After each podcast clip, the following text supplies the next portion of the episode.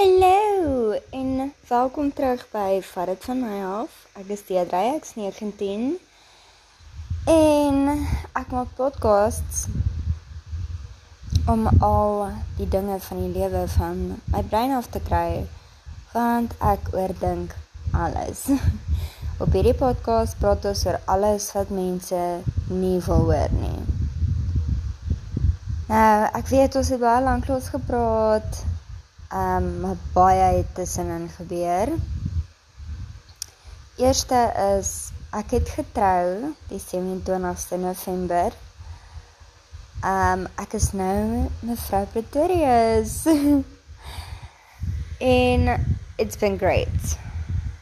Dis 'n heeltemal 'n ander gevoel. Iets voel net anders. Ek gaan nie in detail ingaan nie. Die tweede ding is na die troue was ek baie siek. Ek het nie COVID gehad nie.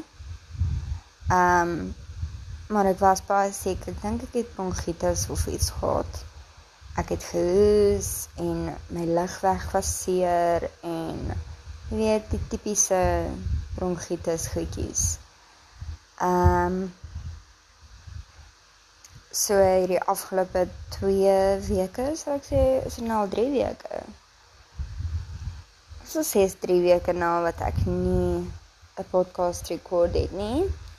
Maar ons is terug. En ek weet nie regtig waarheen ek gaan gaan met hierdie podcast nie. Ek voel net ek het baie baie om oor te praat. Goeders waar ek wonder in die aande. So ek het In hierdie week het ek 'n uh, in hierdie week, skus. In hierdie week het ek 'n video gekyk op YouTube van hierdie ou wat 20 minute dood verklaar was. Maar hy sê waarheen hy gegaan het, hy het alles beleef en hy sê dit was die rustigste wat al ooit in sy hele lewe was. Hy was so kalm en dit was net lekker. Hy sê hy het nie worry in die lewe gehad nie. So ek wil 'n bietjie daaroor praat vandag. Waarheen gaan ons as ons dood is? Nou, as jy as 'n Christelike as jy in 'n Christelike huis grootgemaak is, gaan jy outomaties jy gaan of hel toe of jy gaan hemel toe of jy is tussenin en jy wag totdat God almal kom haal. Nou, dit maak vir my meestal sin. Maar wat hierdie ou gesê het, o, oh, hy's ook 'n Christen, 'n Christen. By the way, hy sê hy glo definitief daar's 'n bigger power. Um as you should. maar ek het nogals gewonder hoe is die experience en wat gebeur die paar minute nadat jy dood is. Okay, so hierdie ou vertel hy het gaan ski in die berge en dit was winter, daar was sneeu en alles.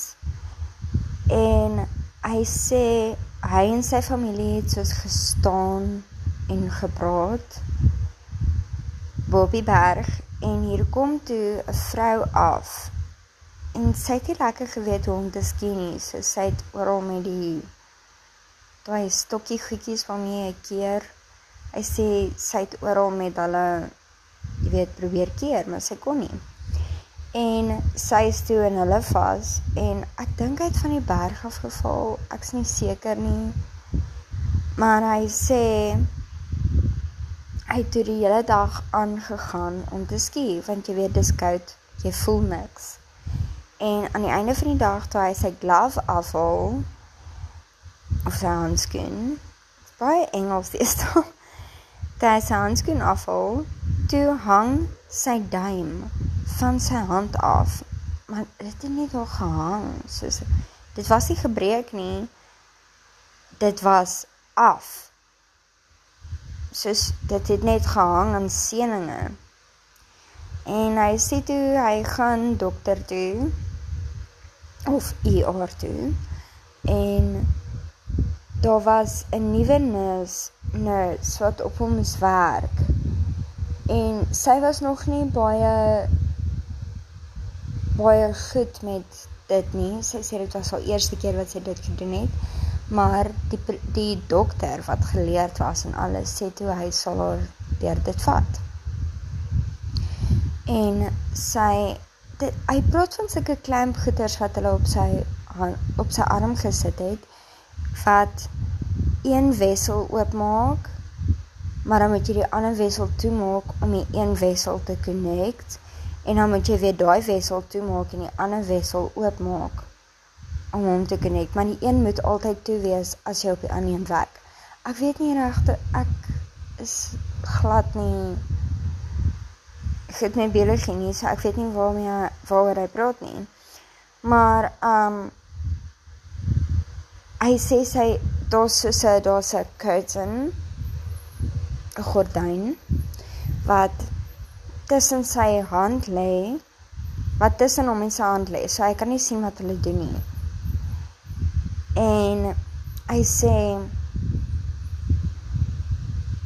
soos soos wat hy jy weet sou dink maak sy die een wissel toe sy werk aan die een en toe sy aan die ander een werk het sy vergeet om die vorige een toe te maak. En hy sê hy voel toe iets in sy arm opgaan en in sy hart in. En ewe skielik kyk hy vir homself van bo af hy sien die hele operasie aangaan hy sien sy arm hy sien sy hand hy sien alles wat hulle doen hy hoor hoe hulle praat en ewe skielik staan die nurse op, die verpleegster, sy hardloop by die kamer uit en sy sê soos ek het hom doodgemaak.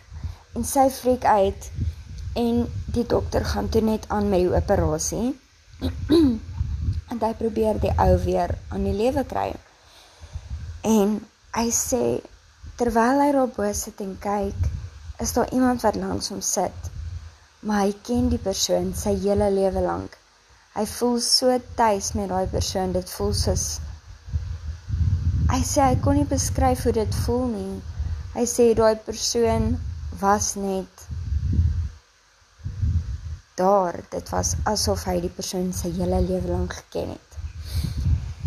En hy sê hy kon nie die persoon se gesig sien nie. Soos as hy langs hom gekyk het, het hy geweet daar sit iemand langs hom, maar hy kon nie die persoon se gesig sien nie. So obviously praat hy van die higher power. En hy sê hulle seker nog, hy weet nie hoe lank hulle daar gesit het nie, want daar was nie 'n timer nie, het nie hulle is hier gehad nie. So hy weet nie hoe lank het hulle na die na die operasie gekyk nie. En die persoon sê toe vir hom, "Okay, dis tyd om te gaan." En hy sê hy het so kalm gevoel en so tuis gevoel hy sê hy het nie eers gehesiteer om om te draai en te gaan nie. Maar hy het geweet hy mag nie terugkyk nie. Dis wat snaaks is. Hy sê die persoon het nie met hom gepraat nie, soos glad nie. Hulle het glad nie met mekaar gepraat nie. Daar was nie woorde geruil nie. Maar hy het net geweet wat die persoon wil hê hy moet doen. En hy sê hy het geweet die persoon wil nie hy moet terugkyk nie. Hy mag nie terugkyk nie en hy sê ewe skielik is hulle in hierdie grasveld met gras wat tot en met sy middel kom soos sy heuplengte hoë grasse die mooiste blommetjies soos wildflowers. Hy sê dit was so so mooi en voor hom was daar 'n wolk. En ewe skielik is die persoon weg. En in die wolk is dit asof hy 'n video van sy hele lewe kyk. O en let wel, hy was 28 op die tyd. Ehm um, wat dit gebeur het. Hy is nou iets in die 60s, ek dink hy is 65 daar rond. Of was dit 56? Ek kan nie onthou nie.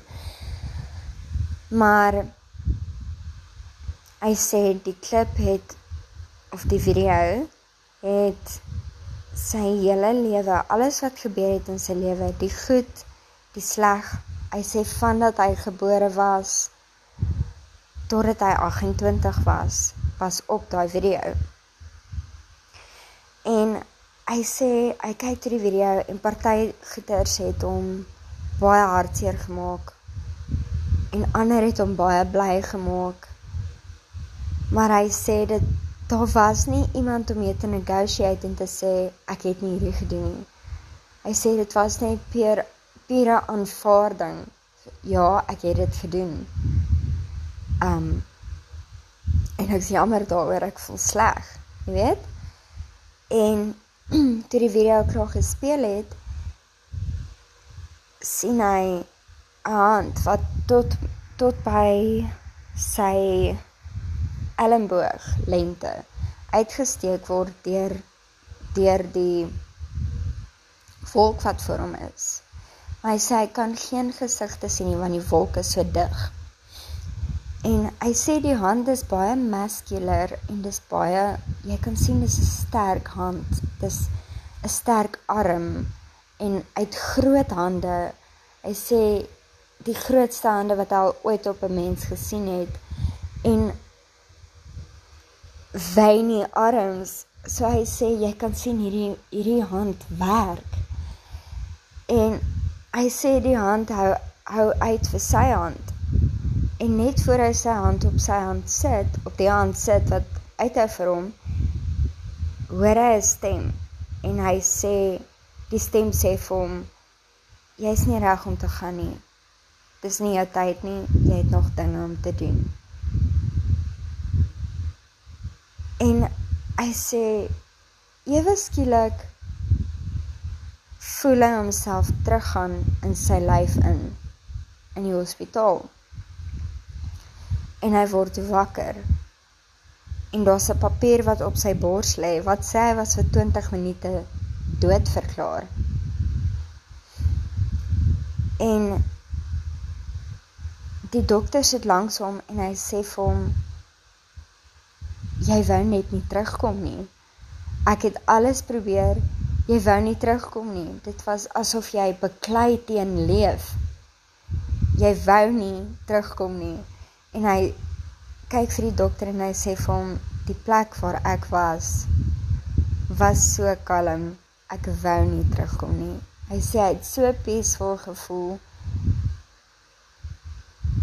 En die dokter, hy sê die dokter het elke kort kort teruggekom na hom toe in die in die hospitaalkamer net om seker te maak hy is nog daar. En dit het my laat dink.